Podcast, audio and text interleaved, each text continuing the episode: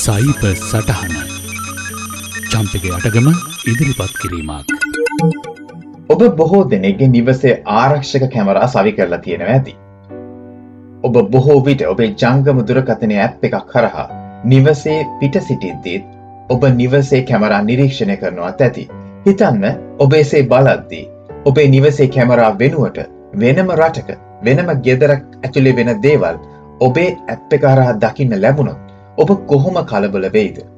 ඔබ මෙලෙසින් වෙන කෙනෙක්ගේ නිවසක දර්ශන දකින විදියටම වෙනත් ආගන්තුකායට ඔබේ නිවසත් දකින්න පුළුවන් නේද යන අනාරක්ෂිත හැඟීමකින් ඔබ වික්ෂිප්ත වෙනවා නේද.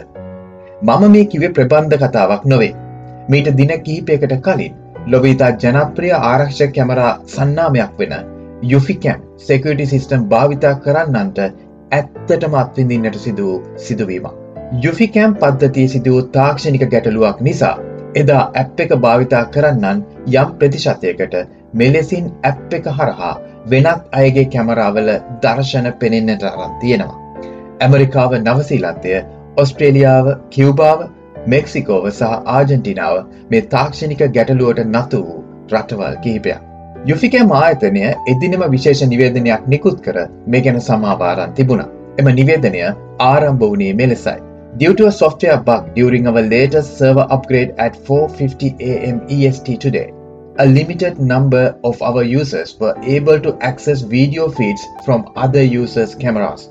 Our engineering team recognized this issue at around 5.30 am EST and quickly got it fixed by 6.30 am EST. යම් හේකින් ඔබ යුෆිකැම් භාවිතා කරන්නෙක් නම් වහාම එහි ඇප් එකින් ඉවත් වී නැවතත් ලොගින් විය යුතුයි. මේ හරහා ඔබට මෙම මෘදුකාංග දෝෂයෙන් එකැනෙ සොෆ්ටවයා බග් එකෙන් වැලකෙන්න්න පුළුවන් වෙනවා. නිවස කියන්නේ අපගේ පුද්ගලිකත්වය.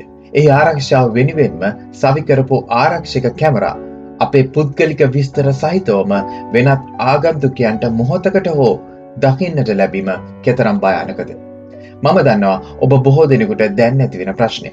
අපගේ නිවසේ කැමරා පද්ධතිවලටත් මෙය වෙන්න පුළුවන්ද. එසේ නම් ඉන් වැලකින්නේ කෙසේද. කෙටිම උත්තරය මේ ඕනෑම කැමරා පද්ධතියකට වෙන්න පුළුවන්. මීට කලින් මේ වගේ ජනප්‍රිය රිං සෝන් කැමරා පද්ධති පවා මෙවැනි ගැටලුවට ලක්වුණ.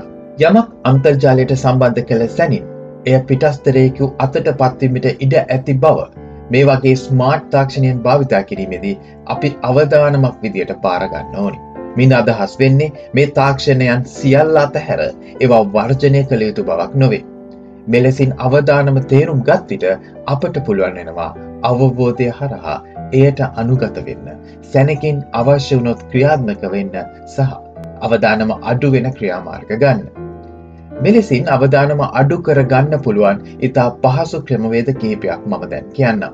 මූලිකව හොඳ බ්‍රෑන්් එකක් තෝරාගන්න. ඉතා ලාබෙට අන්තර්ජාලයේ තියෙන නමුවත් අහල නැති ස්මාර්ට් තාක්ෂණයන් කවදාවත් මිලදී ගන්න යන්න ඒපා. දැන් ඔබ අහන්න පුළුවන් මම කලින් සඳහන් කළ සිද්ධිය වනේ එවැනි ජනප්‍රිය බ්‍රෑන්් එකකට නොවේද කිය. ඇත්ත එය ජනප්‍රිය බ්‍රෑන්් එක ඒ නිසා තමයි ඒ ගැන විශාල මාධ්‍ය ආවරණයක් ඇවිත් ඔවුන් පැක් වගේ ඇතුළත ඒ ප්‍රශ්නය නිරාකරණය කළේ. එලෙසින් ක්‍රියාත්මක වෙන්න ඔවුන්ට සම්පත් සහ දැනුම තියෙනවා. මෙවැනි අතපතවීම් නිසා ඔවුන්ට විශාල ලෙසින් වන්දි ගෙවන්නට සිදුවෙන නිසා ඔවුන් එවැනි දෙයක් නොවෙන්නට සෑහෙන උත්සාහයක් ගන්නවා. නිතර තමන්ගේ පද්ධති අප්ඩේට් කරන. ඒ නිසා මූලිකෝම හොඳ බ්‍රෑන්් එකක් පමණක් භාවිතා කරන්න. දෙවැනුව ඔබගේ වීඩියෝ පටිගත වෙන්නේ අන්තර්ජාලයේ නම් එකන කලව් බේස් රෙකෝඩිං එකක් නම් එහි ආරක්ෂාව වෙනුවෙන් අමතර ක්‍රියාමාර්ග තිබේද යන්න ඔබට සොයා බලන්න පුළුවන්. එවැනි පටිගත කිරීම් එංක්‍රිප් කරන විසඳුම් තියෙනවා. උදාහරණයක් විදියට Apple's HomeKit Secure video platform එකේ පටිගත වෙන හැමදේම එන්ක්‍රිප්ටනවා. එනිසා වෙන කෙනෙකුට කිසිම ලෙසකිනය නරම්බන්න බැහැ. මේ ප්‍රශ්නයට අදාළ වූ පද්ධතියේ අන්තර්ජාල රෙකෝඩින් එන්ක්‍රිප් වෙලා තිබුණේ නැහැ. ඒකයි අනික් අයට බලාගන්න පුළුවන් වනේ. දැනට වෙළඳ පොලේ තියෙන බොහෝ කලව් රෙකෝඩින් එලෙසින් එන්ක්‍රිප් වෙන්නේ නැහැ. නමුත් ඔබ නිතර ඇප් එක සහ උපාංග කෙන ඩිවයිසස් අප්ඩේට් වෙන්න සකස් කරන්න පුළුවන් නම් මේ වගේ දෝෂ ස්වෑන්ක්‍රියව ඉවත් කරගන්න පුළුවන්. එනිසා මතක තබාගන්න ඔබේ සියලුම ඇප් ඔටෝ අප්ඩේට් වෙන්න සකස් කරගන්න ගොඩක් ප්‍රශ්න ඒකෙන් ඉවත් වෙනවා. අනිකාරණය පාස්වර්ඩ් එක. කවදාවත් ඒ මිලදී ගද්දි ආපු මුල්ම පාස්සඩ් එක එකැනේ ඩිෆෝල් පාස්සඩ එක තියාගන්න එපා. එය අලුත් එකකට වෙනස් කරන්න. අන්තර්ජාලය හරහා පීරලා ඩිෆෝල්් පාස්වඩ් තියෙන කැමරා පද්ධති හැක් කරන සයිබ හොරුන් මේ මොහොතෙත් ක්‍රියාත්මකයි. ඊළඟ කරන්නේ අපි හැමදාම කියන මල්ටි ෆක්ටෝ තෙන්ටිකේෂන් ඒ කියන්නේ ඔබගේ ගෙනුමට ලොක්වීමට ජංගම දුරකතිනට ලැබෙන කේතයක් හෝ නොටිෆිකේෂන් එකක් යොදාගන්න විදියට ගිනුම සකස් කරන්න පුළුවන් නම් එය සක්‍රිය කරන්න. ඒ කියන්නේ පිටස්තරෙක් පාස්වඩ් එක දැනගත්තත් ඔබගේ ගිනුමට එයට පිවිසෙන්ට පැහැ ඔවුන් සතුව ඔබේ ජංගම දුරකතිරෙන නැති නිසා.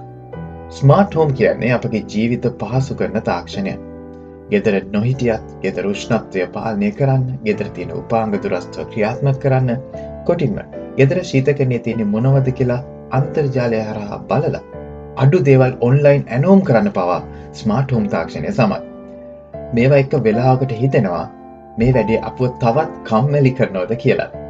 කාර්ය බහුල ජීවිතේ මෙලෙසි මේ දේවල් පහසු වෙන නිසා එක කමක් නැහැ කියමුකෝ. නමුත් ඔබ භාවිතා කරන මොන ස්මාර්තාක්ෂණය වනත් කමක් නෑ ඒ ගැන මේ කිව්ව කාරණා හොයාලා බලන්න. ඔබ කම්මැලි නොවුනොත් විතරයි අපට කියන්න පුළුවන්. තාක්ෂණය වගේම ඔබත් ස්මාර්ට් කියලා. අදත් ඔබට සයිබ සටහන් ගෙනා මම. චම්පික යටකම්